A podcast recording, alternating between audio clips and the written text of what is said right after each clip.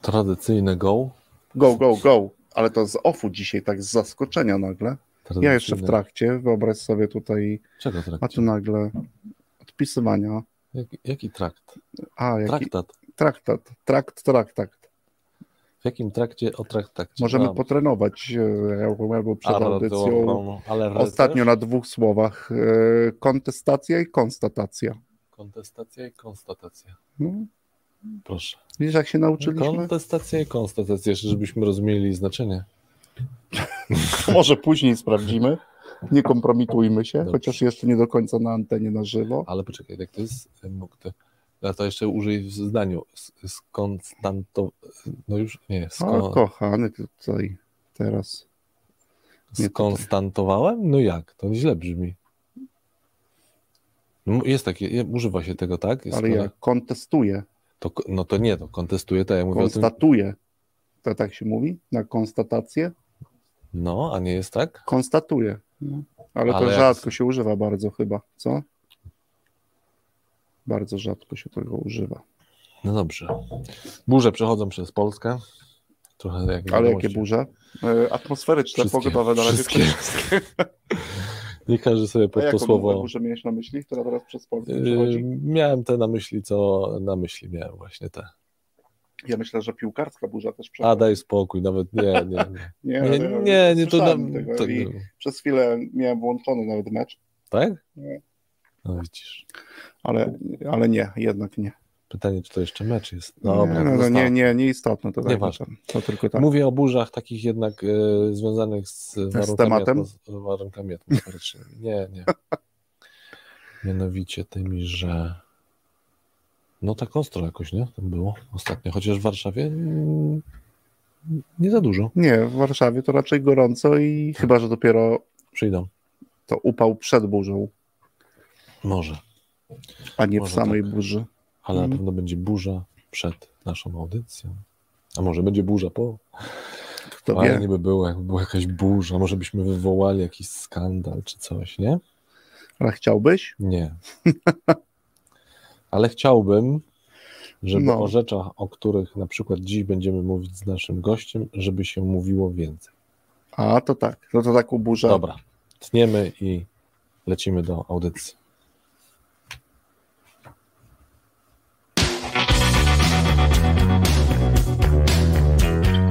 W radioalgorytmie najczęściej rozmawiamy o pożytecznych rzeczach w sprzedaży i zarządzaniu.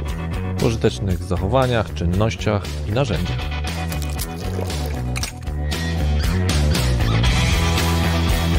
O prakseologii i dowodach. Czasem o ich braku, O, moment, moment, jeszcze o dobrych książkach i rzecz jasna gości ciekawych zapraszamy. no jednym słowem w tym radiu o dobrej robocie gadamy. O dobrej robocie w sprzedaży i zarządzaniu.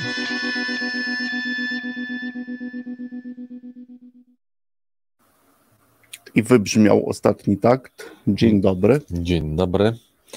Witamy wszystkich naszych słuchaczy, tych obecnych. Piątek. Piątek. piątek, piąteczek, piątek dziesiąty dzisiaj. Chciałem powiedzieć, że po naszym ostatnim spotkaniu, że witamy po spotkaniu o wolności, ale nie dodam, że w wolnych mediach, No, Bo to- wojny, wolnym bo to hasło innej stacji jest, nie tej stacji radiowej. Okej, to nie słyszałem. No ale to tyle. Ale oczywiście dzień dobry. Dzisiaj też już wszystkim mówimy. Zaczynamy i witamy naszego gościa przede wszystkim dzisiaj, bo dzisiaj mamy gościa naszego, Mamy gościa. zacnego zresztą. Cześć Tomku, dzień dobry. Słyszysz, widzisz, wszystko ok?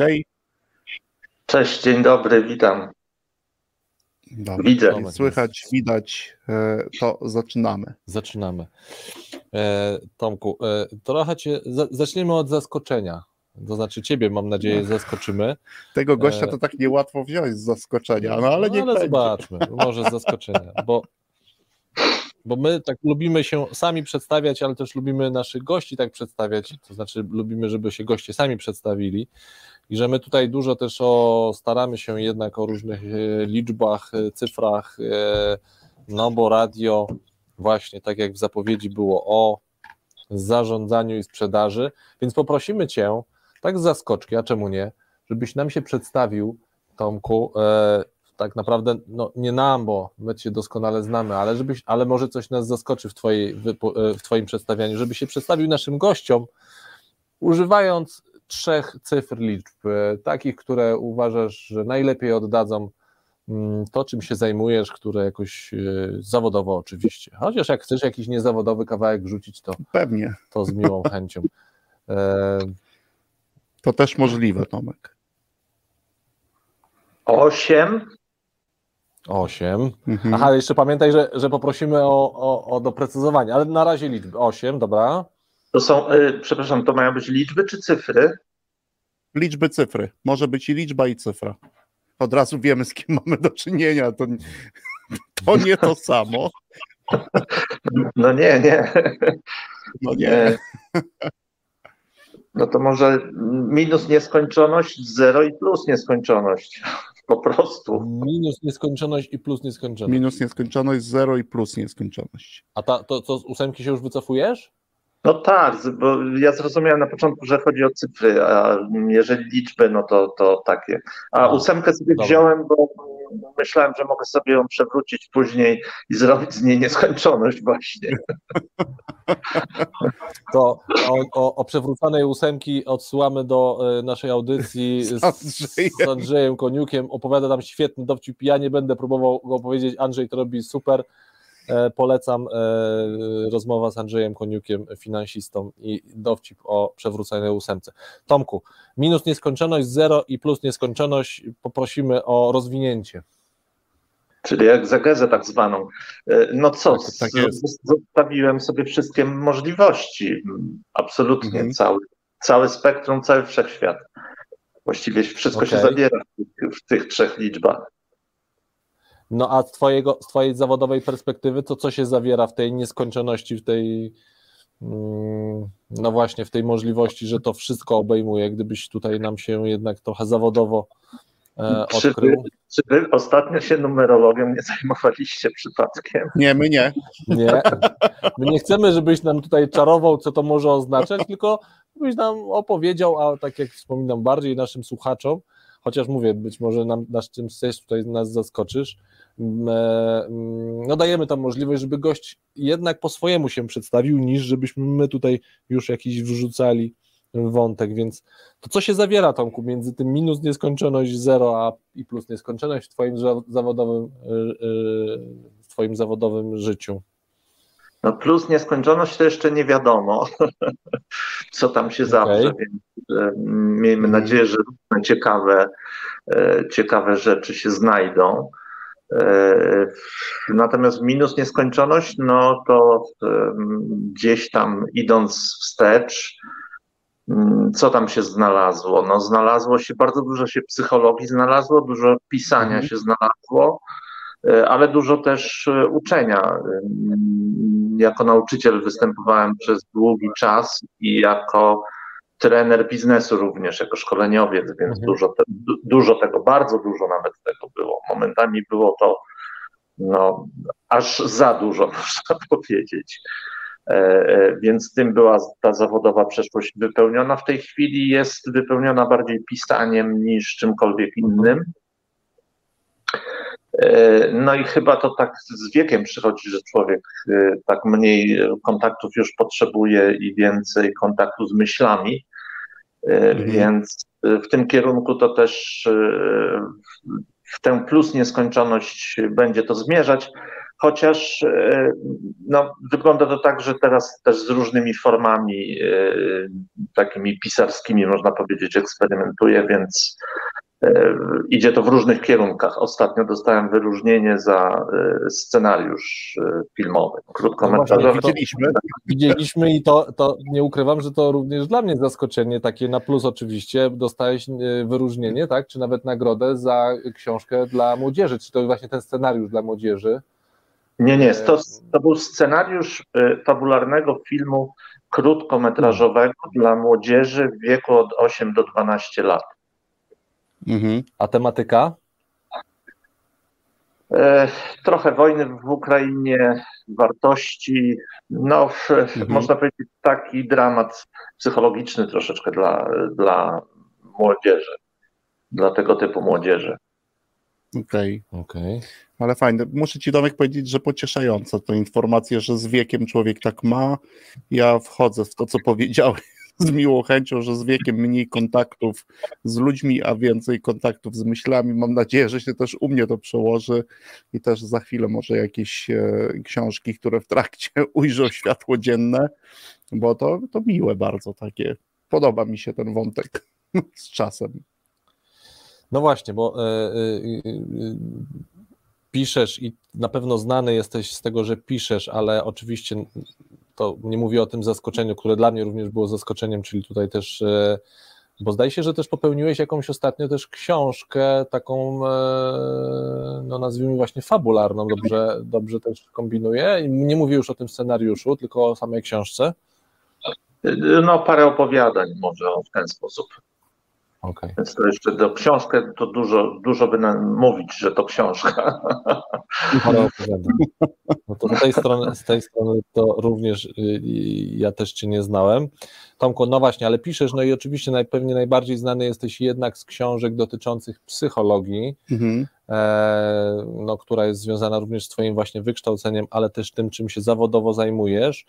My chcieliśmy e, dzisiaj oczywiście chcemy popytać chcemy porozmawiać mhm. o, o bardzo konkretnej książce, o książce, mm, no właśnie, Giganci Psychologii. Ona już tutaj u nas w radiu się pojawiła. E, no już ci nawet byłem... Tomek możemy powiedzieć, że kilkukrotnie się pojawiła w różnych tak, miejscach. Że już się pojawiła. Chociaż teraz jak już mówię o tym, że o książce Bardzo mi miło. porozmawiać, to tak naprawdę oczywiście chcę porozmawiać, chcemy porozmawiać nie tyle co o książce, co o jej bohaterach, a ja y, nie ukrywam, y, że traktuję y, ciebie również jako bohatera, jako bohatera tej książki, więc chcemy również z tobą jako psychologiem o różnych tutaj rzeczach porozmawiać, a żeby bardziej doprecyzować temat dzisiejszej, dzisiejszej naszej rozmowy, no to chcemy właśnie porozmawiać z czym owa psychologia się mierzy, bo w wielu rozmowach z, mhm. z, z Twoimi mm, mm, rozmówcami z książki Ty o tym mierzeniu się e, również mówisz e, i to mierzenie e, tutaj taka jest moja propozycja, żebyśmy ubrali, podeszli do tego mierzenia na dwa sposoby, trochę tak jak my żeśmy tu w audycji podchodzili, czy z jednej strony mierzymy, czyli co jest takim wyzwaniem, czy też co stoi przed psychologią jako nauką, a z drugiej strony też to mierzenie, czyli no,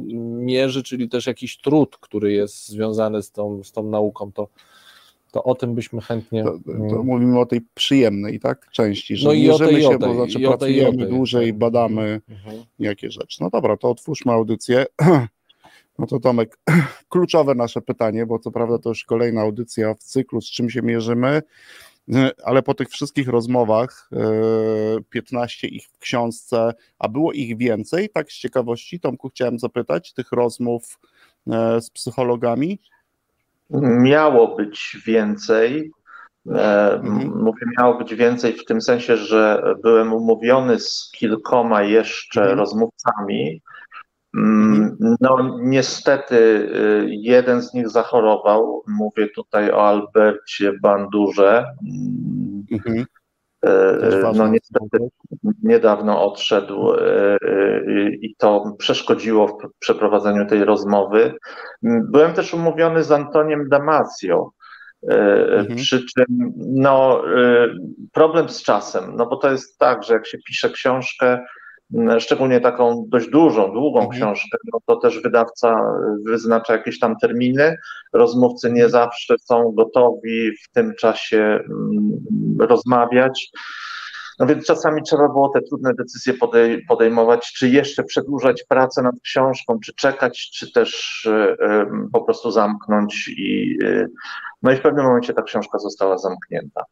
E, więc okay. ja, ja, oczywiście bym bardzo chętnie prowadził te rozmowy nadal, e, no ale to, to w ten sposób ta książka by się nie ukazała, ponieważ e, no ona dotykała też w czasie, jak prowadziłem te rozmowy, jakichś takich zagadnień mm, aktualnych, żeby nie mhm. powiedzieć e, newsów, e, ale zagadnień, które były dyskutowane, czy to w mediach, e, czy wśród psychologów, więc też przedłużanie mm, czasu publikacji tej książki spowodowałoby, że no, może nie wszyscy wiedzieliby o co chodzi, być może patrzyliby na to trochę jak na takie historyczne rozmowy, więc no nie chciałem mhm. czekać zbyt Dlatego Ale też wyszło.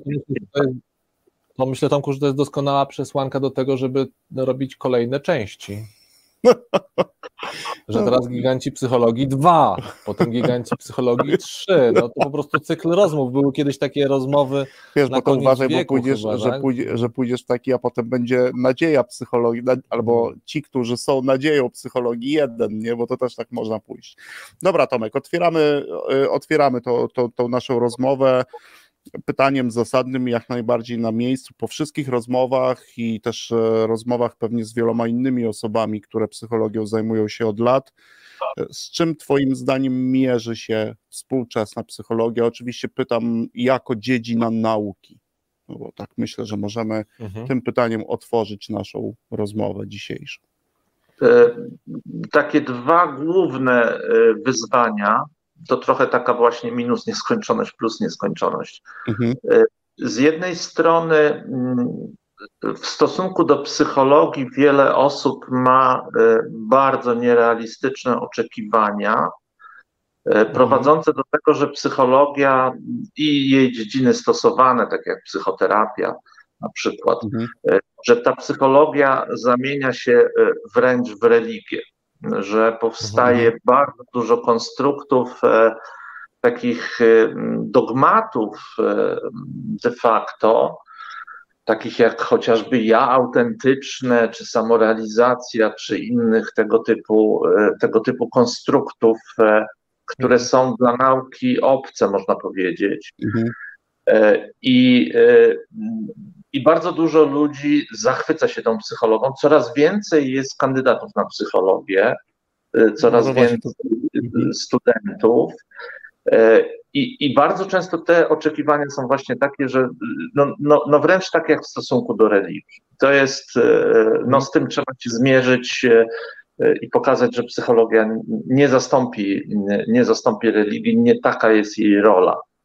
To jest jedna mhm. strona, a druga strona to jest taka, że bardzo wielu ludzi, bo to nie tylko naukowców, ale, ale, ale w ogóle odbiorców mm, tej nauki, y, postawiło krzyżyk na psychologii. Postawiło krzyżyk, mówiąc mhm. wręcz, że to nie jest nauka, nigdy nauką nie będzie y, i dajemy sobie w ogóle spokój z tym.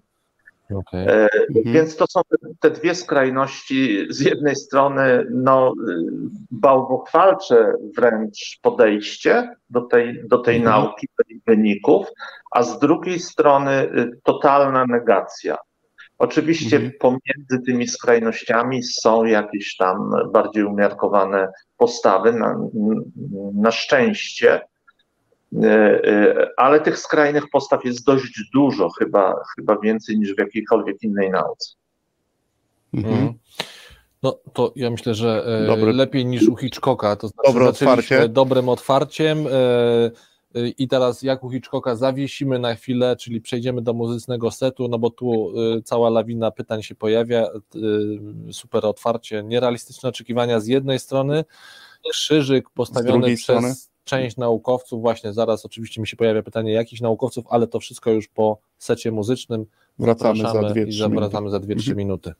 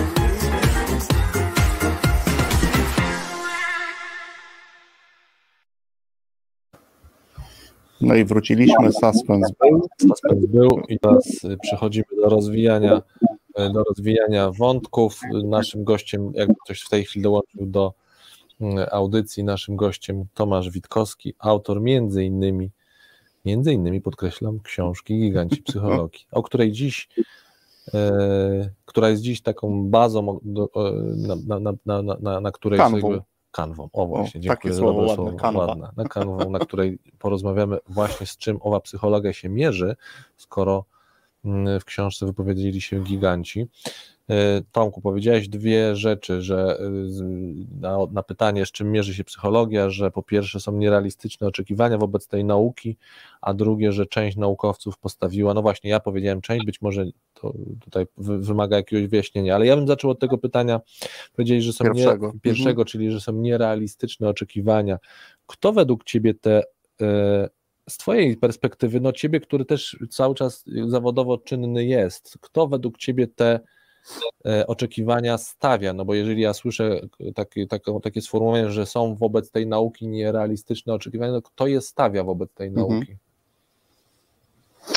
no, potencjalnie odbiorcy, klienci, pacjenci, użytkownicy. E, przy czym ja bym to pytanie trochę odwrócił, ja bym nie mhm. przeformułował i zapytał, mhm. kto formułuje takie e, e, nadzieje, e, że te oczekiwania kiełkują i pojawiają się, bo to, to nie jest tak, że ludzie nagle powstali i, i sformułowali oczekiwania w stosunku do psychologii, tylko psychologowie cały czas formułują różnego rodzaju obietnice i mm, rozbudzają nadzieję u swoich odbiorców.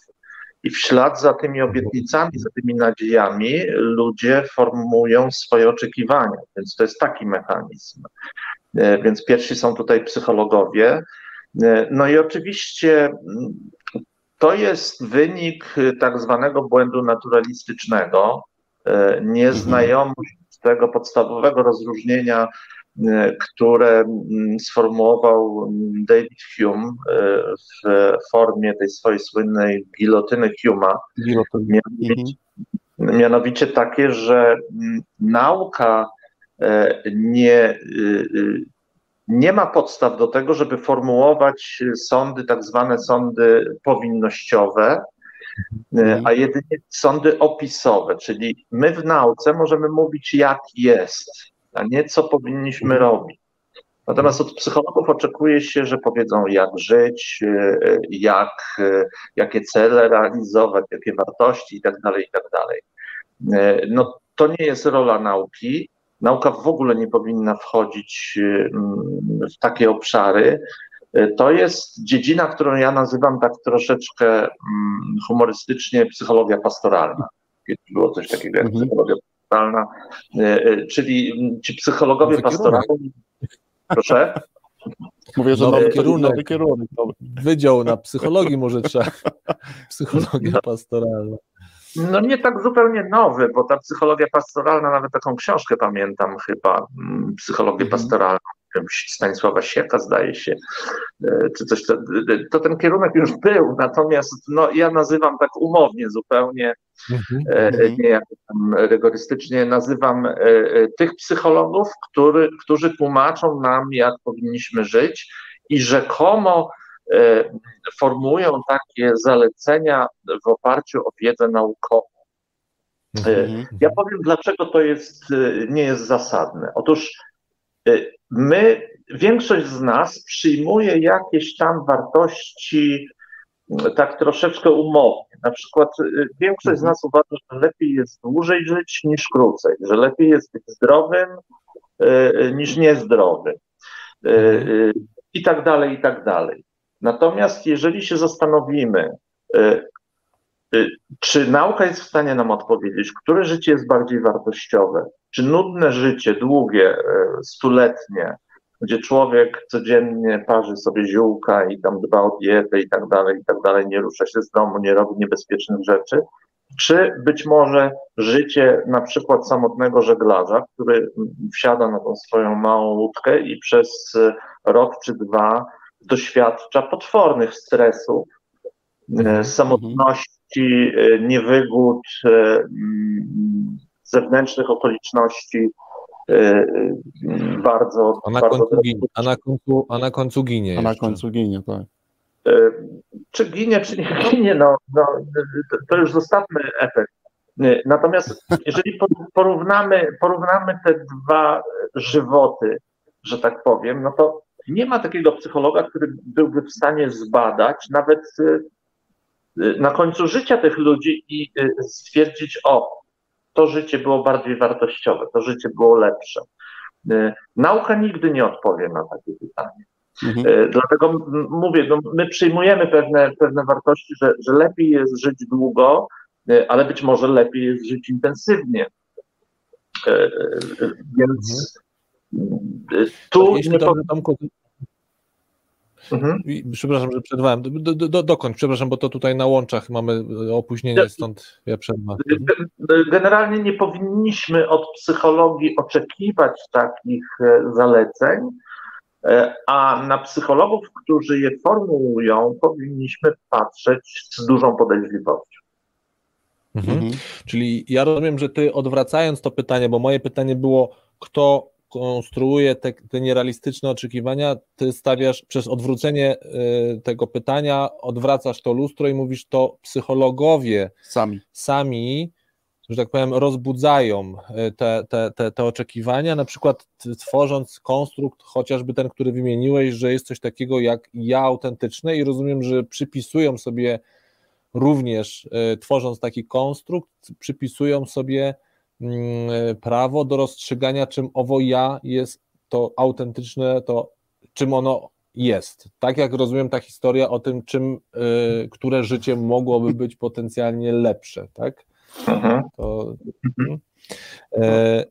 E, a w, w, wspomniałeś jeszcze, bo to przejdę do drugiego pytania, które się z tym łączy, bo powiedziałeś, że na, na przykład taki konstrukt jak ja mhm. autentyczne, no przekładając na to samorealizacja, samorealizacja z którym my się na co dzień również mierzymy w naszej pracy, czyli to są też no, już e, wspomniany chociażby, nie wiem, prawdziwy lider, e, który jest na, przez wszystkie przypadki odmieniany, prawdziwy lider właśnie, tak, autentyczny lider.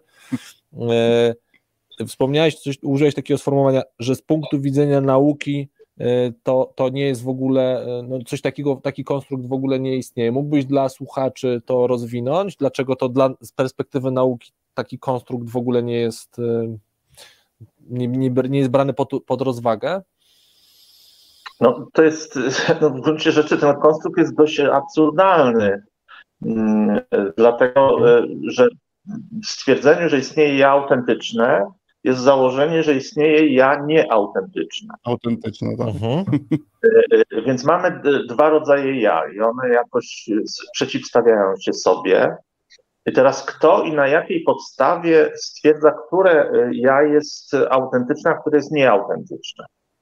Czy na mhm. przykład moje popędy biologiczne y, to jest moje ja autentyczne? Czy powinienem mhm. uwolnić te popędy i na przykład mm, realizować swoje potrzeby biologiczne gdzieś publicznie i tak dalej, i tak dalej, no, no to jest autentyczne, biologicznie autentyczne nawet, ale czy to jest ja autentyczne? Y, y, I mhm. teraz pojawia się psycholog czy psychoterapeuta częściej, który rozstrzyga, co jest tym ja autentycznym, a co jest ja nieautentycznym. Czyli jak gdyby ten mhm. pastor, ten, ten oświecony, Podobnie jak ten, który, no, który mówi, co jest grzechem, co nie jest grzechem, e, co sprzyja dążeniu do świętości, bądź co prze, przeszkadza w tym uzyskiwaniu świętości, no to jest pojęcie religijne. Tak samo ser, mhm. samorealizacja. No, znowu, mhm. Przy samorealizacji jest założenie, że istnieje w nas jakiś potencjał, którego my nie mhm. znamy, i że celem naszego życia jest odkrycie tego potencjału, odnalezienie go i odkrycie. Jak, e, jak gdyby no, ludzie byli nieświadomi tego, e, no to jest takie założenie, że jesteśmy nieświadomi, co w nas tkwi i znowu potrzebujemy psychologa, psychoterapii, e, coacha czy czegoś takiego, żeby pomógł mhm. nam odkryć ten potencjał i pokierować nas, żebyśmy byli spełnieni i zrealizowani. Mhm. To, to, to, no myślę, że w pewnym sensie to wątek jakby stary jak świat, to znaczy powtarzający się pewnie odkąd ludzkość istnieje, to znaczy a propos tego, że ktoś wie lepiej jak żyć, jak funkcjonować i są ci, co wiedzą, jak jest jakaś kasta, a, a to, to, ale nie takie no. łatwe do pogodzenia, bo też mhm. przecież takie pytania jako ludzie stawiamy sobie od lat, tak, mhm. w rozmowach. Tak. E, e, ja tutaj, Tomek, mam taki no, gdzieś w tym naszym wątku, no pojawia mi się taka, bo też e, rozmówcy, o których, których pytałeś, często pojawiało się to pytanie, że na przykład rośnie ilość osób zainteresowanych studiowaniem psychologii, no to oczywiście to, co teraz mówisz e, w odpowiedzi, no z czym się ta psychologia mierzy, no myślę, że to też jest bardzo duże wyzwanie, żeby ludziom, którzy gdzieś podejmują, czyli decydują o, to jest ważny wybór, na przykład wybór dziedziny, e, którą będę, którą, którą będę się zajmował przez na mhm. przykład 10, 15, 20 a czasami dłużej 30 lat w swoim życiu, to gdzie tutaj jest jakiś błąd? Znaczy, gdzie my ten błąd popełniamy? To znaczy, że ludzie idą studiować psychologię po to, żeby odpowiadać na takie pytania, które dzisiaj właśnie powodują no, to, że ta nauka jest w taki bałwochwalczy sposób postrzegana. No bo tu musi być gdzieś błąd. Ja to sobie tak? nazywam, że tą no psychologią sobie niektórzy gębę po prostu wycierają. No hmm. ale Tomek, to jedno pytanie. No. To, to, to, to co dzisiaj bada psychologia? Czym się zajmują e, naukowcy, badacze w tej dziedzinie nauki? Jeżeli weźmiemy, jeżeli weźmiemy takich gigantów, z którymi ja rozmawiałem, to z całą mhm. pewnością oni się nie zajmują takimi rzeczami, e, no takimi można powiedzieć biurami, jak ja, autentyczna samorealizacja i tego typu mhm. rzeczy. E, tylko badają procesy poznawcze, badają język, badają procesy mózgowe, procesy umysłowe, e, badają zachowanie. E, no, to, co jest przedmiotem, to, co jest przedmiotem nauki, natomiast z całą pewnością stronią od tego typu angażowania się ja jeszcze odniosę się do tego, co mówiliście, że mm, to są pytania, które zawsze stawialiśmy od, od zawsze. E, człowiek się zastanawiał nad tym, nad, poszukiwał tego sensu i tak dalej. Tylko zwróćcie uwagę, że e, stosunkowo niedawno człowiek zaczyna imitować e, naukowe odpowiedzi na te pytania. Mhm. Nauka nie uzyskała narzędzi na to, żeby je formułować takie odpowiedzi. Poprzednio te poszukiwania odbywały się w ramach religii, w ramach filozofii. E, e, mhm. I wszyscy dość dobrze wiedzieli, że to jest jakiś rodzaj refleksji, e, który z nauką nie ma wiele wspólnego. Natomiast w tej chwili no, robi badania jakieś tam Zimbardo na przykład nad czasem, nad spostrzeganiem upływu czasu i stosunkiem, postawami do czasu, i potem mówi, jak żyć, żeby to życie było dobre i spełnione. No, to z tych badań nie wynika. To są bardzo złe badania i, mhm, mhm. i życiem jest taka interpretacja, jakiej Zibardo na przykład dokonał. E, e, to są badania najczęściej, które się prowadzi też w ramach tej nieszczęsnej psychologii po, pozytywnej. To są takie badania, w których się bada poczucie czegoś, poczucie szczęścia, mhm. poczucie zadowolenia, poczucie satysfakcji e, i tak dalej, i tak dalej. No, poczucie jest tylko poczuciem, to nie jest żaden obiektywny, obiektywny pomiar. To jest, to jest stosunkowo nowe zjawisko. Natomiast wracając do tych studentów, do tej liczby, mm, tej ogromnej liczby, no, jest, był taki socjolog polskiego pochodzenia Stanisław Andreski. Mhm. Mój ulubiony socjolog, on napisał taką książkę, jest na język polski, nawet przetłumaczona Czarnoksięstwo w naukach społecznych. Mhm. Bardzo taki zdecydowany, zdecydowany krytyk. On e, e, nauk społecznych i on mówił wprost, że jeżeli tempo, mm, tempo e, przyrostu psychologów i podobnych specjalności będzie narosło, no to wkrótce mm, liczba tych specjalistów przekroczy liczbę mm, mieszkańców Ziemi. E, I faktycznie, jeżeli, jeżeli ja, to, ja to liczyłem nawet, bo w czasach, kiedy ja studiowałem, e, to było 40 parę osób na roku we Wrocławiu. Była tylko jedna psychologia na uniwersytecie i te 40 parę osób e, kończyło co roku psychologię. I to była wystarczająca liczba, żeby no, uzupełniać te braki psychologów w poradniach różnego rodzaju, w szpitalach psychiatrycznych, w innych miejscach, gdzie, gdzie ci psychologowie byli potrzebni. No w tej chwili kilkaset osób zostaje absolwentami, więc gdyby to tempo mhm. się rzeczywiście utrzymało, no to będą tysiące. Ja już obserwuję coś takiego że bardzo wielu psychologów kończy psychologię i nie pracuje w swoim zawodzie. Nie pracuje w zawodzie. Mhm. Więc być może te studia mają taki charakter poznawczy, na zasadzie, że ludzie próbują zrozumieć siebie, e, mhm. lepiej e, idą, studiują, potem wykonują jakiś inny rodzaj e, pracy. Być może jest tak też na, na świecie, ale jest też tak, że mm, E, tworzy się bardzo dużo e, takich e, trochę sztucznych miejsc pracy dla psychologów. Mówię sztucznych, bo jeżeli weźmiemy pod uwagę skalę naddiagnozowania różnego rodzaju problemów i zaburzeń i też taką charakterystyczną dla kultury terapeutycznej potrzebę rozwiązywania tych różnego rodzaju swoich problemów za pomocą specjalistów zewnętrznych, Mm, no to tworzy się taki popyt troszeczkę na, na tych mhm. psychologów. Na tych psychologów. Dobra, Tomek. Stawiamy, kropkę, kropkę, druga przerwa. Przecinek, druga przerwa muzyczna i e, wracamy. Łapiemy kolejne wątki, bo już kolejne ciekawe się pojawiły.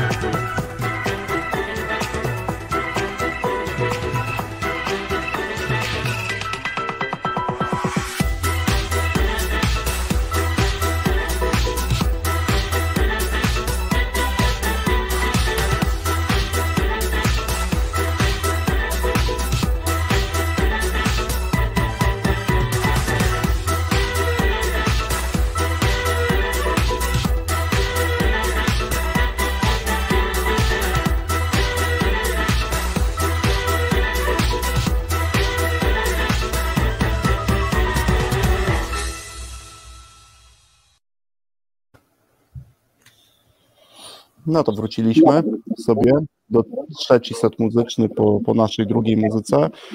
Tomek, a ta, a ta druga część, no bo oczywiście kilka nazwisk ja od razu jak gdzieś słyszę, ale to jest jeden z takich z popularnych wątków, który się pojawia, że bo chcę zapytać Cię o tych, którzy dzisiaj najczęściej albo już postawili, albo wciąż nieustannie rysują krzyżyk na psychologii jako o nauce, to kto to współcześnie jest, bo oczywiście pewnie wielu naszym słuchaczom gdzieś w głowie ko Kołaczew e, Feynman, który tam zawsze sobie gdzieś z psychologii, z nauk społecznych, no nie chcę powiedzieć, że stroił dworował, żarty, ale dworował, dworował sobie, sobie niekiepsko, w jednym liście nawet dość poważnie.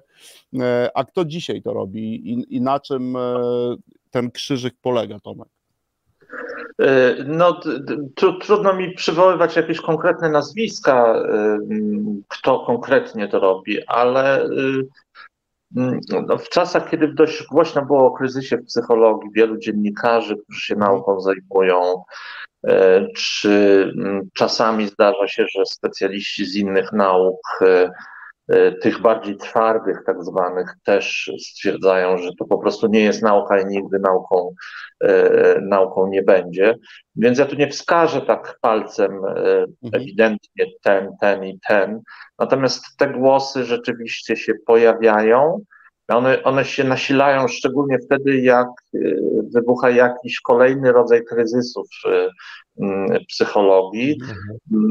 No i, i generalnie y, to, to też nie musi się objawiać w takim negowaniu całkowitym psychologii, ale też w takim zniechęceniu, takim podejściu, a psychologia, dajmy sobie spokój. E, e, e, dużo było mowy o jakimś tam Zimbardo, okazuje się, że sfałszował swoje eksperymenty. Teraz jeden z najwybitniejszych psychologów, Hans Eysenck, ponad 60 mhm. prac różnych poddanych retrakcji, największa chyba gwiazda psychologii wszechczasów.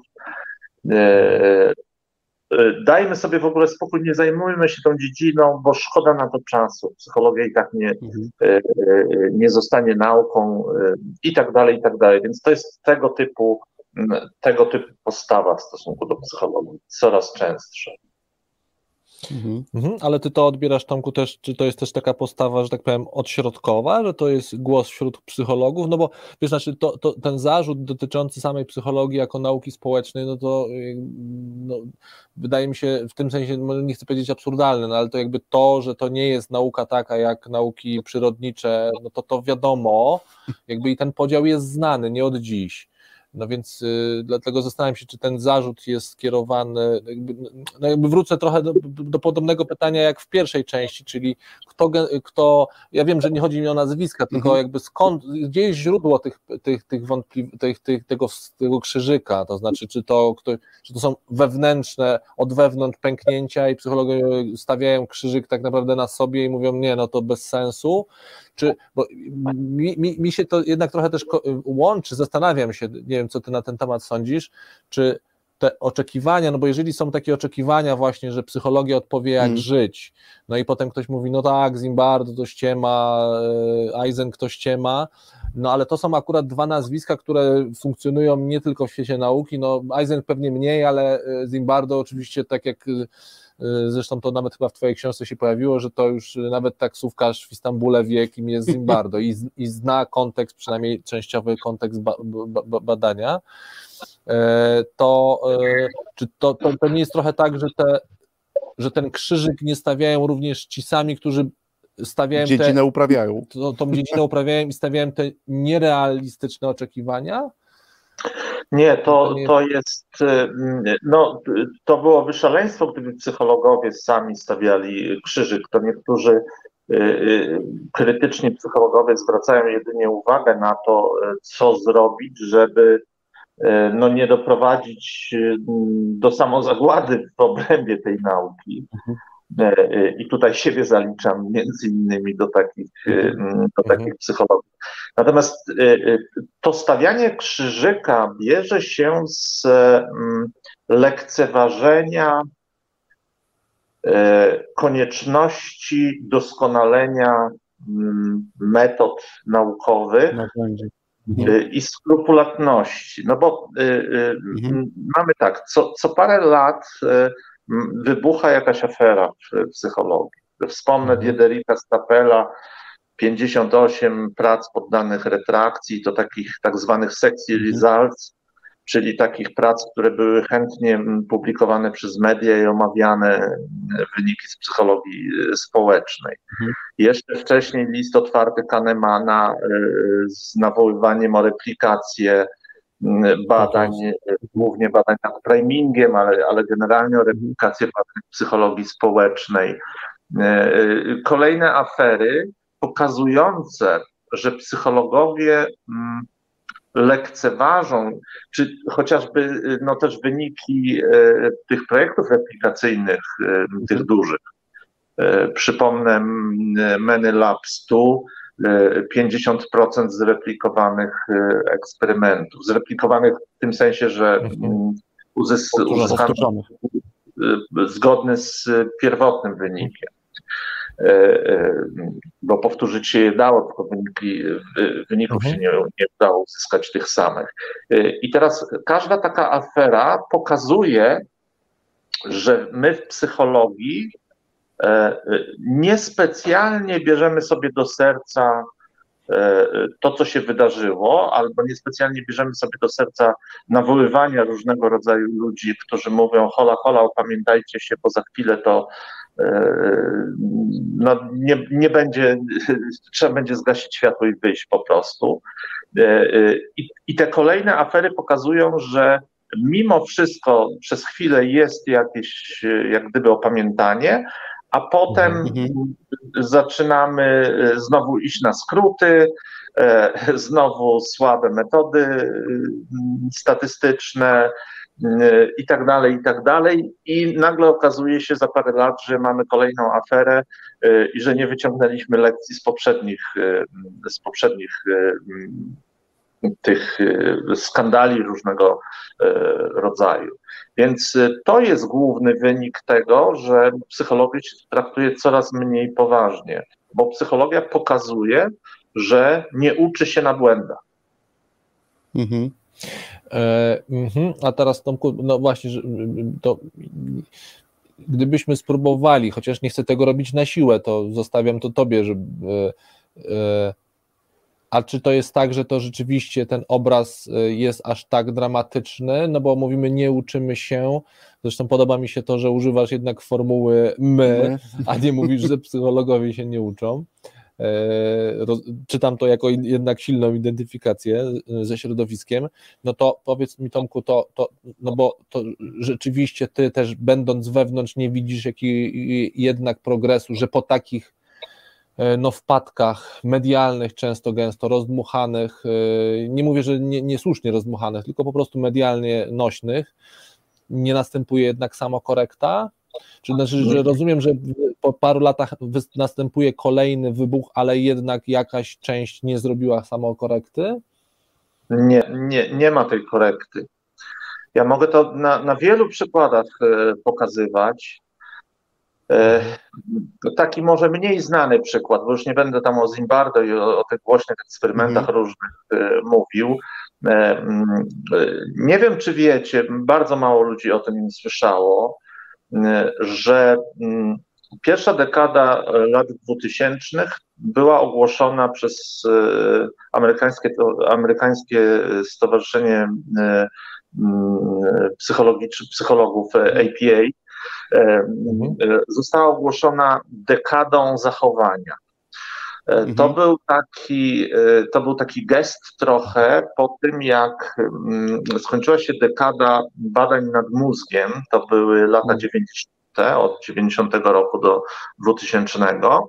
I one się zakończyły no, wieloma spektakularnymi sukcesami, publikacjami, odkryciami itd. Tak itd. Tak Ten postęp, można powiedzieć, skokowy y, został dokonany w, w ramach tej dekady mózgu. Potem powołano, ogłoszono tę dekadę zachowania. Możecie sobie wygooglować to pojęcie, prawdopodobnie nie znajdziecie żadnych wyników dlatego mhm. że ta dekada zachowania no, to miała być dekada, w której mm, koncentrujemy się na badaniu zachowa zachowań ludzi. Mhm. Ja przypomnę, że psychologię się definiuje jako naukę o zachowaniu człowieka. Mhm. Człowieka. Mhm. To jest najbardziej podstawowa definicja i to jest przedmiot badania psychologii zachowanie człowieka. W 2006 roku Baumeister ze swoimi współpracownikami opublikował taki artykuł e, e, Psychology as a Science of Self-Reports and Fingers Movements. Tak jest. E, tak, psychologia jako, jako nauka o samoopisach i ruchach palców. Mhm. Skąd ten tytuł? Otóż on, y, y, y, oni, no bo to cały zespół, zbadali zawartość losowo wybranych według pewnego schematu, już nie będę relacjonował, zbadali zawartość jednego z najbardziej prestiżowych czasopism Journal of Personality and Social Psychology. E, e, mhm. Okazało się, że na przestrzeni lat liczba badań, w których badano zachowanie. zachowanie Y, malała do tego stopnia, że oni chyba w tym roku 2006 zdaje się na 38 prac y, badawczych dwa z trudem dało się określić jako badające zachowanie. Pozostałe badały self-reportsy, y, czyli no, deklaracje różnego rodzaju zachowań. To się robi tak, że My nie badamy, y, mówię, psychologowie nie badają y, ludzi, którzy przychodzą do banku i podejmują decyzję y, o zainwestowaniu swoich pieniędzy mhm. podczas rozmowy na przykład z doradcą, tylko wysyłają kwestionariusz, i mów, w którym tak. piszą tak, gdybyś miał 100 tysięcy, to jak byś to zainwestował? W to, w to czy w tak to? Mhm. E, e, co byś zrobił, jak byłby krach na giełdzie i straciłbyś ileś tam procent? To nie są zachowania, to są deklaracje mhm. zachowań. Deklaracje. E, no I teraz tak, Baumeister pokazał ze współpracownikami, że drastycznie spadła liczba mm, badań, w których uwzględnia się rzeczywiste zachowanie. Tych fingers mhm. movements biorą się z ruchów palców na klawiaturze czy, czy myszką. Wypełniających ankiety. ankiety tak. Tak, to, to jest jedyny, e, jedyny rodzaj z, e, rzeczywiście zachowania, zachowania jakiegoś. Mhm. E, I teraz chyba w 2018, jeśli dobrze pamiętam, albo 2019, Dariusz Doliński zreplikował badanie tak, tak. Baumeister. Gdzieś nam Tomek na chwilę zniknął. O, zawiesiło na chwilkę Tomka. To ja tylko dopowiem, że rzeczywiście te badania były w 2018. Czy psychologia jest wciąż nauką o zachowaniu? Pod takim tytułem mhm. Social Psychological Bulletin. Z podsumowaniem, że nie jest. Eee, okay. Czy to już dzisiaj Nie wiem, czy, czy Tomek mhm. nas teraz słyszy. Jeśli nas nie słyszy, to akurat mamy dobry czas, bo jest moment na za chwilę na o, jest I... Tomek, przed chwilę Cię nie słyszeliśmy. Zawiesiło nas e, i pewnie też dla słuchaczy w momencie, kiedy wspomniałeś o replikacji Dariusza Dolińskiego. Dolińskiego. Ja tylko dopowiedziałem, tak. że rzeczywiście to był 2018, zresztą to też również w Twojej książce w bibliografii. Mhm.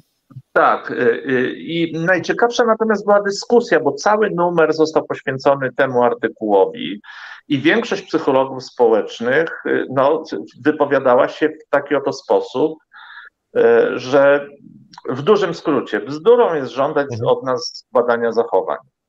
To, co robimy, mhm. jest dobre i tak powinniśmy e, dalej badać tak człowieka. Mhm. E, I teraz, jeżeli weźmiemy na przykład, są z jednej strony, jak patrzymy na te duże projekty replikacyjne, to rośnie jakaś nadzieja, że no jednak się replikuje, podejmuje się ten trud i tak dalej. Ale zwróćcie uwagę, że te badania, które się replikuje, to niemal wyłącznie są badania y, y, właśnie badające self-reportsy albo badania, które można przy pomocy komputera y, przeprowadzić.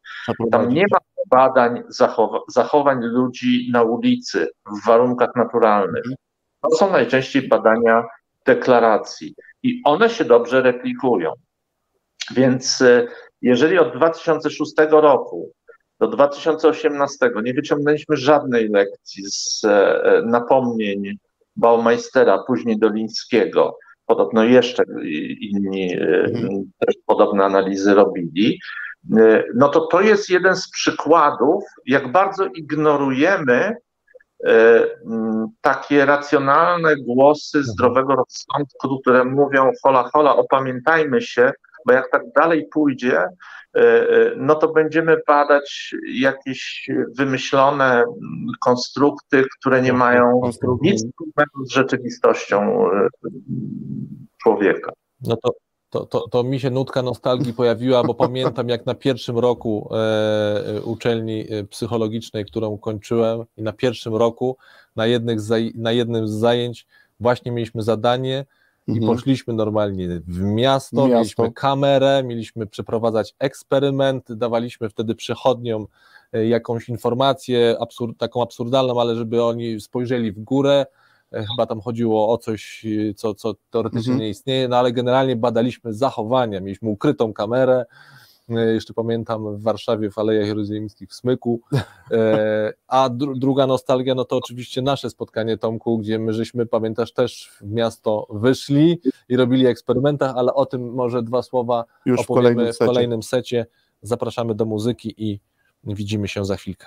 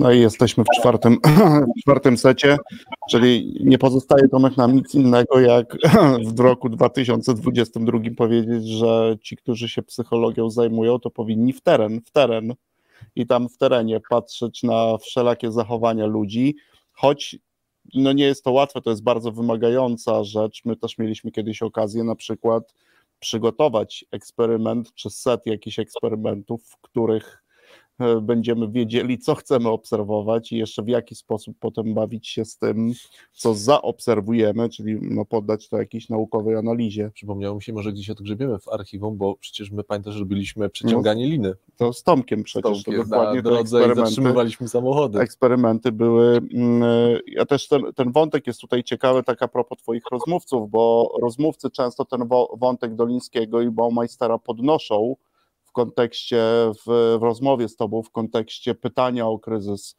e, replikacyjny. Ja nawet sobie zrobiłem notatkę przy Susan Blackmore, która jako jeden z powodów odejścia z uczelni e, wymienia właśnie to, że ona raczej w terenie i raczej eksperyment i chciałaby obserwować, a nie zawsze to na uczelni było możliwe a też zajmowała się przez wiele lat takimi dość ciekawymi obszarami e, i ona tam wręcz mówi, że to dla niej był jeden z ważniejszych powodów podjęcia niełatwej decyzji, czyli decyzji opuszczenia uczelni i kontynuowania swoich badań e, no, raczej na własną rękę. Nie? Ona też ten wątek tam mocno podkreśla jako rozmówczyni. Czyli co, w teren i zachowania, a nie ankiety. No, ja powiem tylko, że y, y, psychologia społeczna, ta, e, e, ta, ta, mm, może te początki psychologii społecznej, Aronson, Festinger, e, Cialdini i tak dalej, no to są badania nad zachowaniami w warunkach naturalnych. Jeżeli weźmiemy te, te mhm. stare eksperymenty, to bez wyjątku są to, mm, są to eksperymenty nad zachowaniami w naturalnych warunkach. E, i jak to Carol Tablis określiła w e, rozmowie ze mną, to są takie eksperymenty, e, które jak wyjdą w poniedziałek, to jak się je powtórzy w piątek, to też wyjdzie podobny wynik, a nie mhm. tak jak dzisiaj często mamy, że właśnie eksperyment przeprowadzony w poniedziałek już się w piątek nie, nie zreplikuje niestety. Mhm. No, od razu mi się nasuwa pytanie, Tomek, nie wiem, czy znasz odpowiedź, ale czy dzisiaj w ogóle uczy się ludzi e, takiej pracy na studiach psychologicznych, w sensie budowania eksperymentów i pewnych jakby, na, jakby posługiwania się narzędziami, za pomocą których mogę to robić? Czy raczej nie przeważa ten drugi wątek? No niestety przeważa ten drugi e, wątek, mhm. E, e, i to jest zresztą Cialdini też napisał taki list otwarty, w którym bardzo mocno narzekał na to, że w tej chwili nie sposób jest nawet opublikować wyników badań nad eksperymentem naturalnym, E, które nie zawierają e, złożonych e, analiz, najczęściej te analizy mediacyjne, jakieś się tam wprowadza coś jeszcze. Czyli trend jest taki, badamy banalne rzeczy, obliczając wyniki przy pomocy bardzo złożonych metod statystycznych. I to, mhm. to są tak zwane publikowalne rezultaty. I coraz więcej takich badań się robi, bo szansa na to, że one zostaną opublikowane jest większa, niż prosty eksperyment, gdzie się bada jedną zmienną czy dwie zmienne przeprowadzone na ulicy. Mhm. No, to jest niesamowite, bo ja teraz tak. jak powiedziałeś o zmiennych, to od razu przypomniałem sobie jakby pierwszą moją styczność z podręcznikiem Psychologia Społeczna, polskim podręcznikiem i tam to jest dokładnie pierwszy rozdział, nie? że my musimy przygotować e, jakiś eksperyment, dzięki którym mhm. będziemy zmierzyć, będziemy mierzyć to, co zmienne, w odniesieniu do tych elementów, które w tym e, eksperymencie zmienne nie są. Gdzieś takie podstawy i to też jest e, ciekawe. Hmm? Konrad przejmuje? E, no, ja znowu tutaj kilka wątków mnie bardzo ciekawi, ale tak, żeby też to było ciekawe dla naszych słuchaczy, no to e, oczywiście wątek, który poruszyłeś, kiedy się przedstawiałeś, powiedziałeś, że nawet tych E, mm, tego czasu, który spędziłeś jako mm, mm, trener, trener biznesu, było dużo w pewnym momencie, e, ale tak, żeby utrzymać to w kanwie też e, tematu, z czym się psychologia, z czym się psychologowie mierzą, z czym Tomku ty się najczęściej mierzyłeś, bo jak rozumiem, być może mierzysz. Być może wciąż mierzysz na sali szkoleniowej, gdzie na sali nie spotykasz niewykształconych psychologów, no tylko pewnie menadżerów, y, czy z innych, y, czy, czy nie wiem, sprzedawców, y, czy innych specjalistów. Innymi słowy, kiedy, bo to chcę powiedzieć w kontekście, że spotykasz się nie ze studentami, którzy no, teoretycznie przynajmniej powinni e, mieć jakąś wiedzę już z zakresu, który, który ich uczysz. Z jakimi tutaj wyzwaniami, z, z, jak, z czym się mierzyłeś i być może z czym się, to takie podwójne pytanie i być może, to chętnie mm, posłuchał Twojej odpowiedzi, z czym się w ogóle tutaj taka psychologia organizacji mierzy, no bo ten, to przekładanie psy, tych odkryć chociażby hmm. psychologii społecznej, na, na psychologię organizacji jest, e, no ten transfer również następuje. No i co, co, co, jakie tu są ewentualne, no właśnie, no, z czym się tu psychologia według Ciebie mierzy? E, jeden zasadniczy, e, który cały czas był i chyba nadal jest, to jest taki dogmat, prymat mojego indywidualnego doświadczenia nad e, wiedzą empiryczną zgromadzoną przez innych. E, to jest kompletnie nieracjonalne podejście do rzeczywistości. E, I to nieracjonalne podejście do rzeczywistości w rzekomo racjonalnym biznesie przeważa nad podejściem opartym na dowodach. Y, to było, jest i prawdopodobnie będzie. Moje, moje doświadczenia osobiste, indywidualne są święte, nawet jeżeli badania przeprowadzone, przez 50 lat na kilkuset, y, w kilkuset eksperymentach y, metaanaliza pokazała na iluś tysiącach ludzi, że jest inaczej, to moje doświadczenie jest ważniejsze. To z tym się mierzyłem najczęściej a, a, jakiś, że tak powiem, taki smaczek, który najlepiej oddaje właśnie to porównanie, to znaczy kiedy tak. najczęściej y, coś, co ty z wiedzy właśnie z tego evidence-based, czyli tego, co mamy i w metaanalizach, wy, że tak powiem, wynikało, czy też można było już z dużym prawdopodobieństwem, no właśnie na tyle, ile nauka, szczególnie psychologia sobie może powiedzieć, a tu dostawałeś kontrę, no ale mi się sprawdza inaczej, bo ja mam 20 lat doświadczenia menedżerskiego. E, sprzedażowego? Dość często, dość często e, mieliśmy, e, o często to może dużo powiedziane, ale kilkanaście chyba razy w sumie było jakieś, było jakieś zapytanie ofertowe na przygotowanie szkolenia czy wykładu czasami dotyczącego różnic międzykulturowych w zarządzaniu.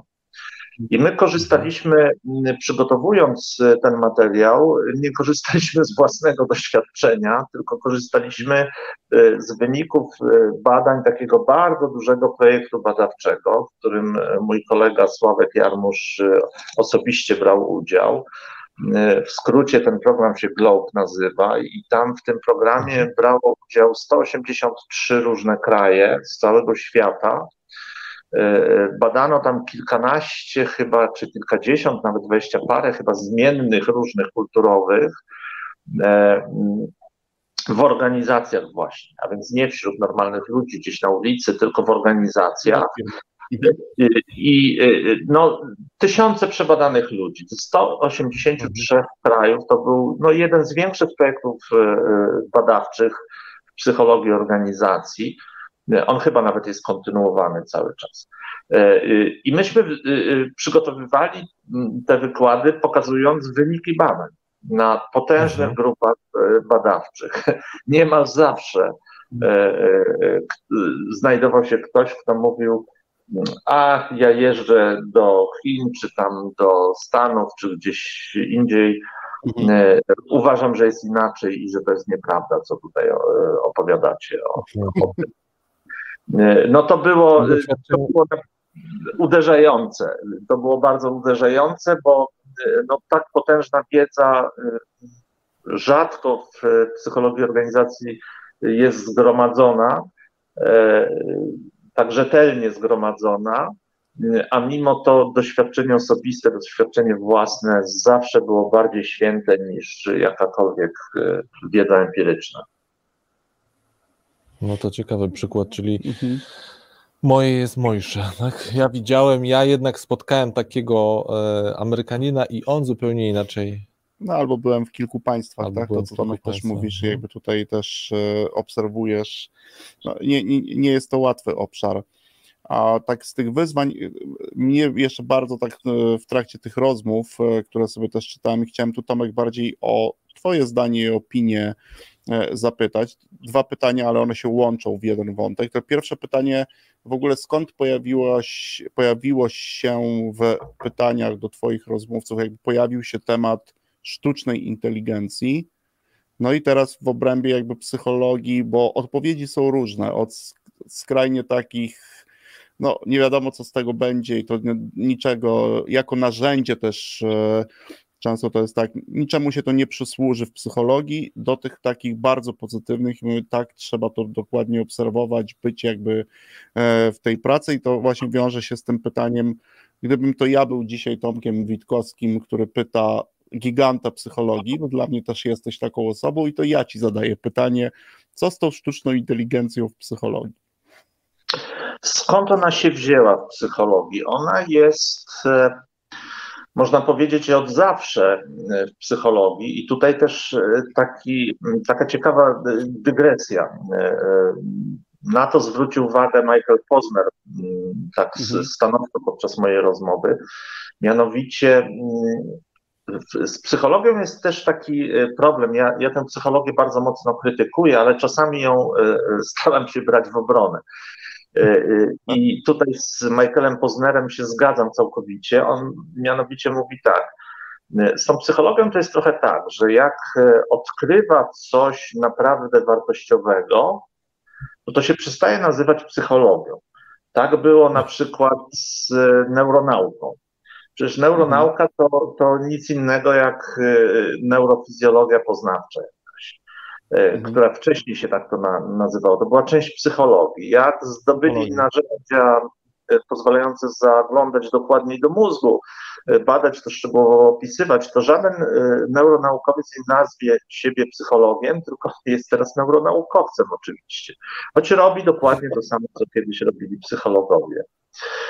I to samo jest ze sztuczną inteligencją. Przecież podwaliny do stworzenia sztucznej inteligencji powstały w psychologii. E, ja przypomnę, tu już pewnie niewielu słuchaczy to pamięta te czasy, ale była, był taki kiedyś mm, kierunek psychologii, który się psychologia cybernetyczna nazywał. Jeszcze komputerów nie było. E, znaczy nie było w tym sensie, że, że nie korzystaliśmy z nich na e, nie było tak, tak dostępnych.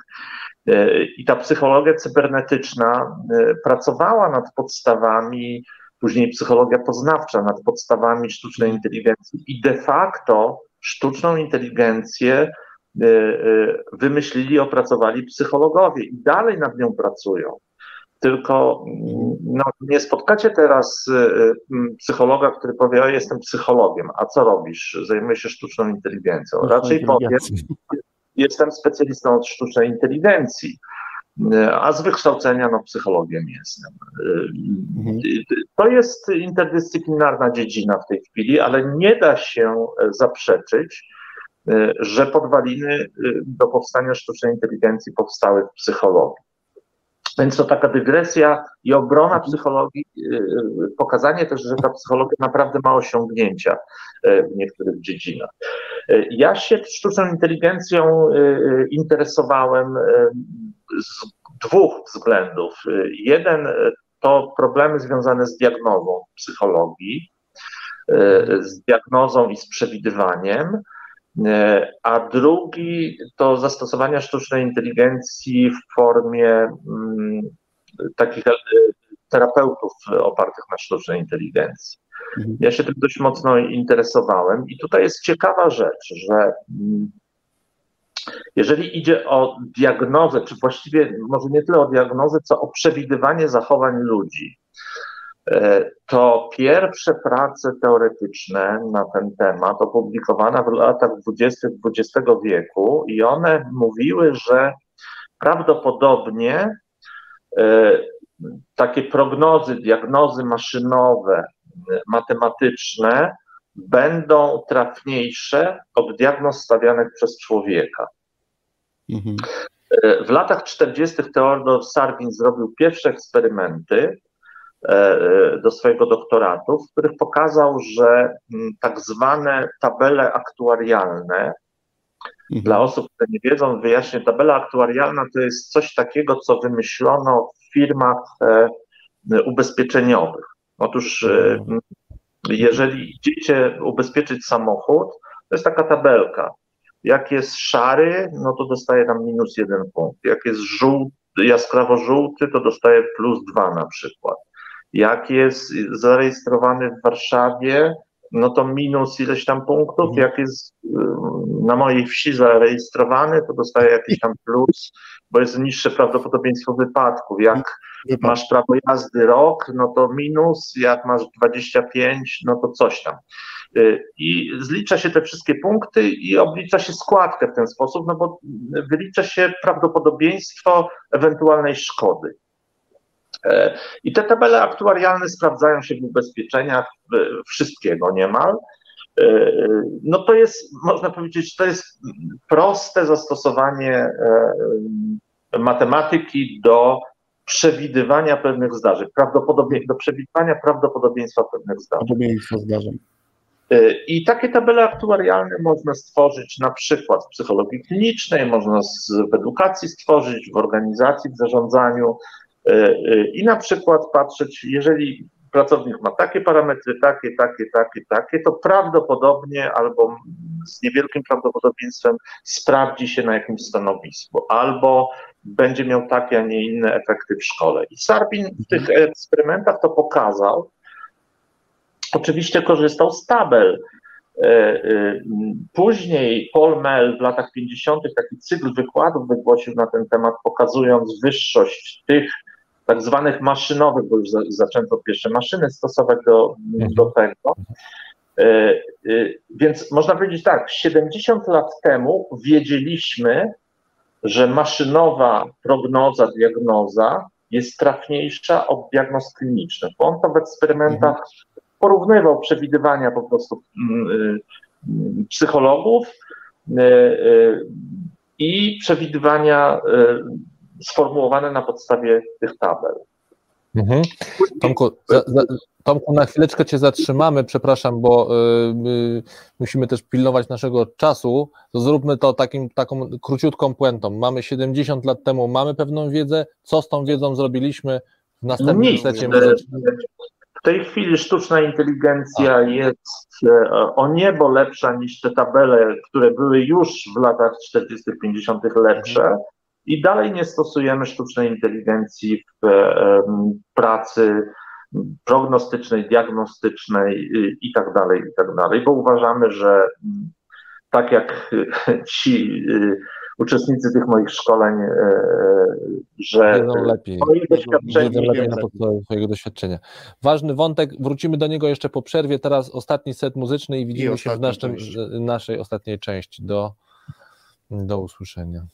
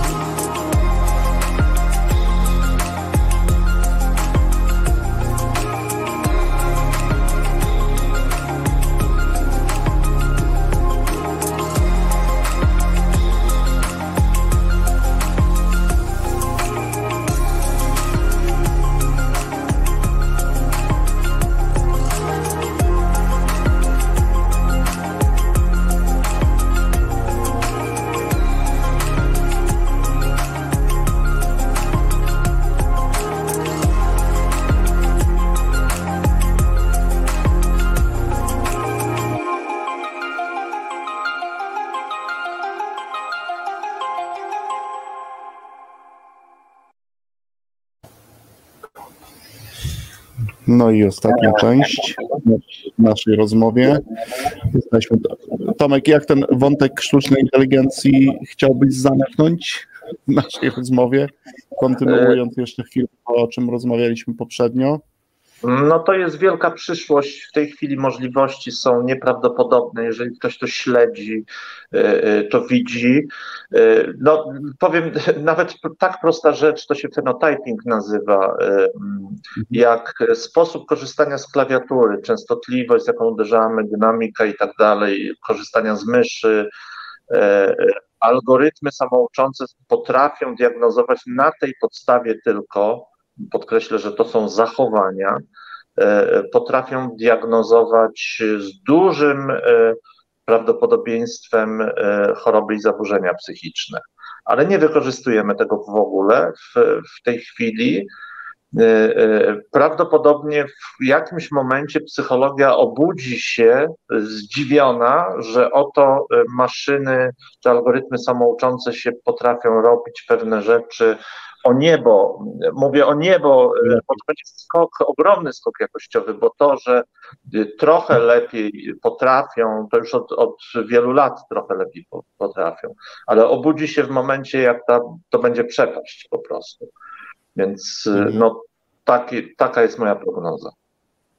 A ty, ty, ty, to tylko trochę off topic, trochę nie off topic, nie wiem czy teraz dobrze przytoczę nazwisko, ale jest taki polski badacz, on teraz wylądował już od długiego czasu, Michał Kosiński, jeśli dobrze przytoczyłem e, nazwisko, e, nazwisko właśnie wywodzący się z, z, Warsza, e, z warszawskiego oddziału SWPS-u, właśnie psycholog, który no robi potężne badania, oczywiście nie sam, tylko znowu w zespole dotyczącym tego, jakie informacje możemy wyciągać, e, no przede wszystkim oczywiście z kamer internetowych i tego, co, ale również z zachowań naszych w sieci, to, to, to nie, nie, nie, nie, nie, nie obiło ci się o uszy, tak? Na, mówię, ja być może nazwisko źle przytaczam, ale to najwyżej poszukam i potem wpiszę w komentarzu Obiło się, o uszy, obiło się o uszy. No i chciałem powiedzieć jeszcze taką rzecz, że y, niektórzy uważają, że w tej chwili najwybitniejsi specjaliści od nauk społecznych y, to pracują nie na uniwersytetach, y, ale w takich instytucjach jak Google, Amazon, Facebook i tak dalej. A więc tam, gdzie się pracuje nad sztuczną inteligencją, tam, gdzie się bada rzeczywiście zachowania, i analizuje e, miliardy różnych drobnych zachowań, bo weźmy nawet prosta sprawa, nasza aktywność dzienno-nocna jest rejestrowana przez smartfony non-stop. Budzimy się w nocy, łapiemy mm, za smartfon, żeby sprawdzić, która jest godzina, jak nie możemy spać, to coś tam oglądamy, sprawdzamy i tak dalej. To wszystko są dane, które się bada i które się analizuje. I prawdopodobnie mm, E, żaden badacz na, na, na tradycyjnym uniwersytecie nie ma wglądu w tak duże ilości danych, jak mają specjaliści. No do, do, dokładnie, dokładnie w jednym e, z, z, rozmów e, właśnie, bo to sprawdziłem, to rzeczywiście jest Michał Kosiński, na szczęście ma wpisane w Wikipedii, że jest psychologiem, psychologiem. Co, co, co, budzi, co budzi, tak, nie jest specjalistą właśnie ten, więc jest psycholog, to fajnie, E, ale on dokładnie o tym mówił, to znaczy, że on jako badacz, bo on pracuje jednak e, samodzielnie, w sensie, że nie, nie pracuje w żadnej typ wymienionych przez ciebie e, firm, ale powiedział, że takiego dostępu do danych, jak jego koledzy, Dzisiaj. którzy poszli w, te, w, te, mhm. w tą branżę, on trochę na to ubolewa, że poszli, że trochę no, marnują, że tak powiem, swoje talenty, e, no ale tego, czego im zazdrości, no to ilość danych, jakie oni mają, czego on nie jest w stanie zdobyć samodzielnie, jako samodzielny badacz. E, no to tak trochę off topic, ale myślę, że w temacie, no bo to dokładnie mhm. sztuczna inteligencja, zresztą Michał Kosiński mówił o jednym z podstawowych zagrożeń, że to jest olbrzymi potencjał, ale jednocześnie potężne zagrożenie, jeżeli to się znajdzie w nieodpowiednich rękach, bo jakby możliwość predykcji jest potężna. Ty mówisz o predykcji dotyczących y, chorób y, psychicznych, zresztą Kosiński też o tym wspomina. Mm, na co, jak, szczególnie kiedy się pojawia gdzieś u dziennikarzy, to z niedowierzaniem mówią, nie, to niemożliwe. Taka, najczęściej takie, jak widziałem, jak parę wywiadów przejrzałem, to takie są reakcje, że to niemożliwe, żeby już coś takiego wiedzieć. Tak. E, natomiast on mówi też o potężnym zagrożeniu, że no to jeżeli to będzie mm, no chociażby Cambridge Analytica już. Mamy case. taki do, dobry przykład tego na końcu, nie? No Tomek, dobra, to mamy ostatni set. Wróćmy do takich rozmówców. Trudno, oczywiście do rozmówców mówię w sensie gigantów psychologii, których też wymieniasz, znaczy z którymi miałeś okazję rozmawiać. I na chwilkę tak mnie ciekawi, które momenty dla ciebie były takie najbardziej zaskakujące w trakcie tych rozmów? Może jakąś, jakąś jedną konkretną rozmowę pamiętasz? Pewnie każda taka była, bo to nie były raczej rozmowy, które, które są zapis, pewnie były dłuższe niż ten zapis, który tutaj się pojawia w książce, ale być może właśnie są takie Tomek smaczki, o których możesz powiedzieć, a gdzieś niekoniecznie pojawiły się w tekście pisanym. E, pewnie każdy, pewnie każdy, kto czytał tę książkę, a przynajmniej ci, którzy tam dzielili się wrażeniami, to dostrzegli, że e, rozmowa z Noamem Chomskim bardzo mocno się nie kleiła, e, że udzielał, udzielał takich odpowiedzi lakonicznych i właściwie mm, no tak jakby nie chciał rozmawiać e, praktycznie. Mhm. To było dla mnie zaskoczeniem. E, Noam Chomsky w tej chwili, e, on cały czas o sobie mówił, że, że żyje trochę w takim podwójnym świecie. Z jednej strony jest naukowcem, a z drugiej strony zajmuje się cały czas polityką. Ja akurat nie, nie szanuję jego za poglądy polityczne i tam za niektóre rzeczy, które zrobił. Natomiast bardzo szanuję za osiągnięcia w nauce, które miał. Wygląda na to, że on chyba jest w tej chwili bardziej politykiem niż naukowcem i niespecjalnie palił się do rozmowy.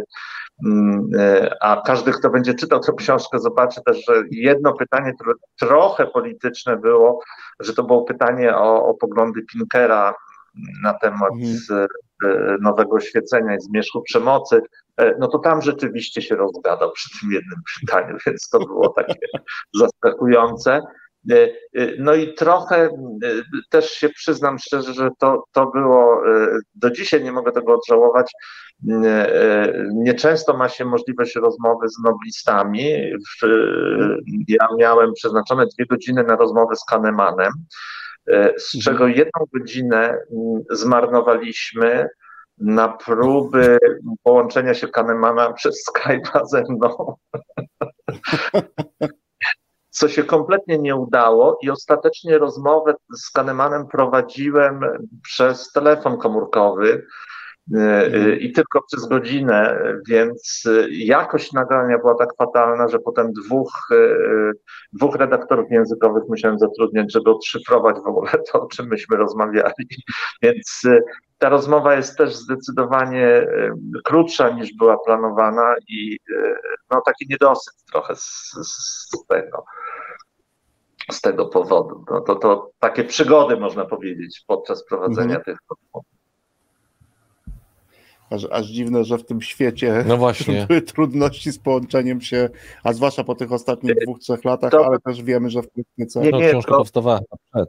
To, to książka powstawała jeszcze przed pandemią. Temu, tak. Tak, tak. I, I Kahneman po prostu zapomniał danych dostępowych do swojego Skype'a i, i to był problem. I nie mógł ich odnaleźć. Szukał ich po prostu pod, w czasie przeznaczonym e, dla mnie na rozmowę. No tak to wyszło. Prawdopodobnie jest przyzwyczajony był, e, rozmowę prowadziliśmy w Sylwestra, e, on pewnie przyzwyczajony jest do tego, że sekretariat mu takie rzeczy załatwia. Wyjątkowo chyba w mhm. Sylwestra mhm. był sam w biurze. Mhm. Tomku, mhm. tak, mamy ostatnie 5 minut ich, e, e, naszej e, audycji i gdyby, nie, nie oczywiście podsumowując, bo myślę, że temat jest na tyle wielki, że właśnie tak jak ty miałeś chęć rozmawiać ze swoimi rozmówcami, tak w nas ta chęć rozmawiania z tobą na te tematy jest i już ja żałuję, że się już kończy, ale jednak jedno jeszcze ważne, znaczy chciałbym takie jednak pytanie kiedy mówimy o tym, z czym psychologia się mierzy, to mnie również y, ciekawi, y, z czym psychologia się właśnie teraz nie mierzy, a tu mam na myśli, jakich według Ciebie znowu, jakich ważnych tematów nie, nie podejmuje. podejmuje. I dlaczego? Nie, i, i, dlaczego? Dlaczego się właśnie, nie wiem, nie chce mierzyć? Jakie jest Twoje tutaj e, no, rozpoznanie tej sytuacji? Z czym psychologia no, naj... się nie mierzy? Nie? Najważniejsza rzecz, tak, którą psychologia zarzuciła, e, to próby sformułowania teorii, e, ogólnej teorii unifikującej osiągnięcia dotychczasowe, które, które mamy w psychologii. Mhm. E, kiedy, kiedy, byłem studentem, podejmowano takie próby, a na pewno o nich rozmawiano. W tej chwili w ogóle, ja zresztą to pytanie stawiałem wszystkim, czy uważają, że powstanie teoria, taka teoria ogólna, unifikująca osiągnięcia? E, większość odpowiedziała, że na pewno nie, na pewno nie za mojego życia, na pewno nie w ciągu kilkudziesięciu lat. I moja refleksja jest taka, że psychologia w ogóle przestała próbować.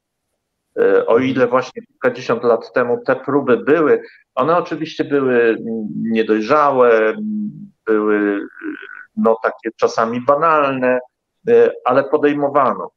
E, nauka dojrzała charakteryzuje się tym, że doskonali właśnie takie, takie swoje teorie unifikujące. I no, tak jak mamy w biologii na przykład darwinizm, który jest tym szkieletem no tak. prowadzenia badań wszystkiego, tak w psychologii nie mamy, nie mamy takiej teorii w ogóle i nie ma, nie ma ambicji psychologów, żeby to zrobić. Mhm. A jest jeszcze jakiś temat, czy to, y, który uważasz, że z, czym, z którym psychologia się nie mierzy, albo nie mierzy się wystarczająco poważnie, albo może być, może jest jakiś temat, który, z którym ty byś chciał się, że tak powiem, pomierzyć. Tu mam na myśli pomierzyć, czyli jakoś się posiłować, no, w tym sensie badania. zrobić jakieś badanie, mhm. coś, co uważasz, że no to są te tematy, mm, to są, to też rozmawiałem z wieloma, e, z wieloma rozmówcami na ten temat. Mhm. To są te tak zwane, ja to nazywam wielkimi pytaniami mm, psychologii, czyli kwestia mhm. świadomości, e, kwestia e, wolnej woli, kwestia silnej woli, mm, problem wpływu moralności na nasze zachowanie. To są te duże pytania, o których, e, których bardzo często mm, psychologowie nie zadają, dlatego że te pytania wiążą się z ryzykiem porażki, e, czyli można spędzić bardzo dużo czasu na, na, na badaniach i nic nie uzyskać, bo, bo to są trudne pytania, więc lepiej jest mhm. robić badania nad inteligencją, korelować ją z milionem różnych zachowań. Zawsze wtedy coś e, uzyskamy tak zwany publikowalny rezultat y, no, będzie publikowany. No inteligencja się najlepiej koreluje z urodą i z bogactwem, no. Inteligencja ze się szczęściem w życiu, cokolwiek to znaczy. Zawsze się dostaje jakieś korelacje istotne statystycznie, więc to można korelować ze wszystkim. To, to tak jak Sternberg opowiadał o tym. Natomiast tak. no, y, no tuż też zdanie Sternberga, który mówi, że my psychologowie nie zajmujemy się mądrością w taki sposób y, rozumianą jako przyczynianie się do dobra wspólnego, y, a co za tym idzie, no, jesteśmy coraz bardziej inteligentni i, i zmierzamy coraz szybciej ku katastrofie. Mhm.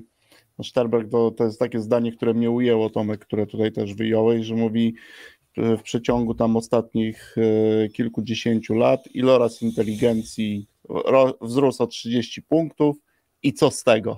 Tak widzimy, jak ten świat, bo to Steinberg bardzo, tym bardziej, że on tym tematem się też zajmował, bo on jest autorem pewnej trzyskładnikowej teorii inteligencji, nieco różniącej się od tego, co albo czego dotykał też w swoich pracach. Zresztą tam też ona była mocno krytykowana, ale ten w ogóle ten, ta rozmowa tak, wszystkie są ciekawe i w każdej można znaleźć charakter, no ten chociażby przy, tutaj przez ciebie wywołany. No, na mnie ta rozmowa też zrobiła duże wrażenie w kontekście właśnie e, definiowania mądrości, czyli właśnie jako robimy coś, badamy jakiś obszar, dzięki czemu przyczyniamy się do tego, że tak jak to Steinberg podkreślał, mądrzej żyjemy. Czy też mądrzej korzystamy z zasobów, które tutaj mamy. Bardzo ciekawy też e, wątek. Konrad?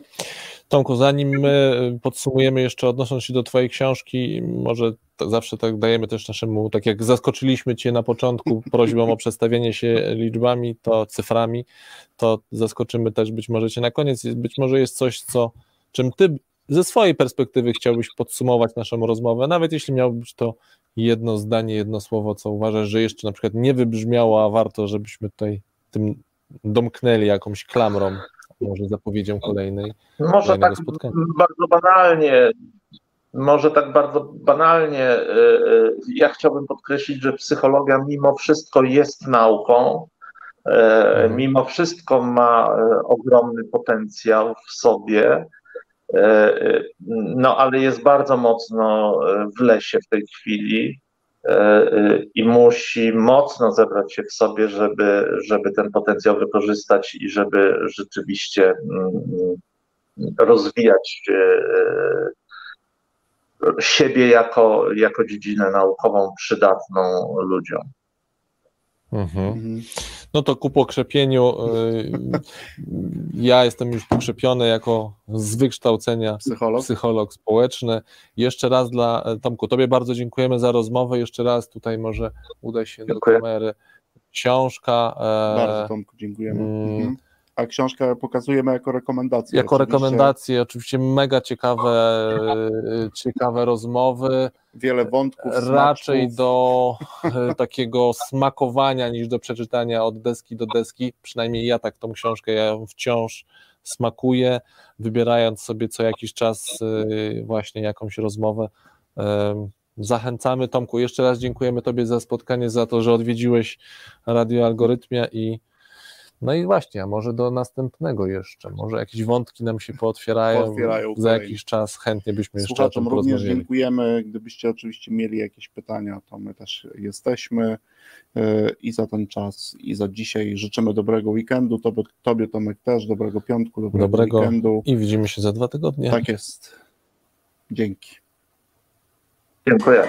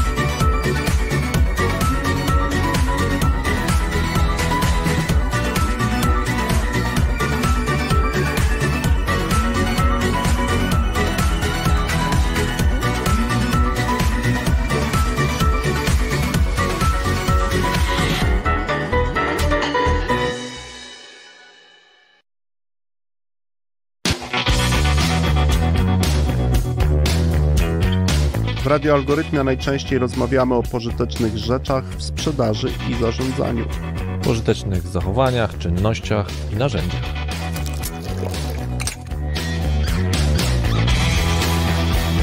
O prakseologii i dowodach. Czasem o ich braku. O, moment, moment, jeszcze o dobrych książkach i rzecz jasna gości ciekawych zapraszamy. No, jednym słowem w tym radiu o dobrej robocie gadamy. O dobrej robocie w sprzedaży i zarządzaniu.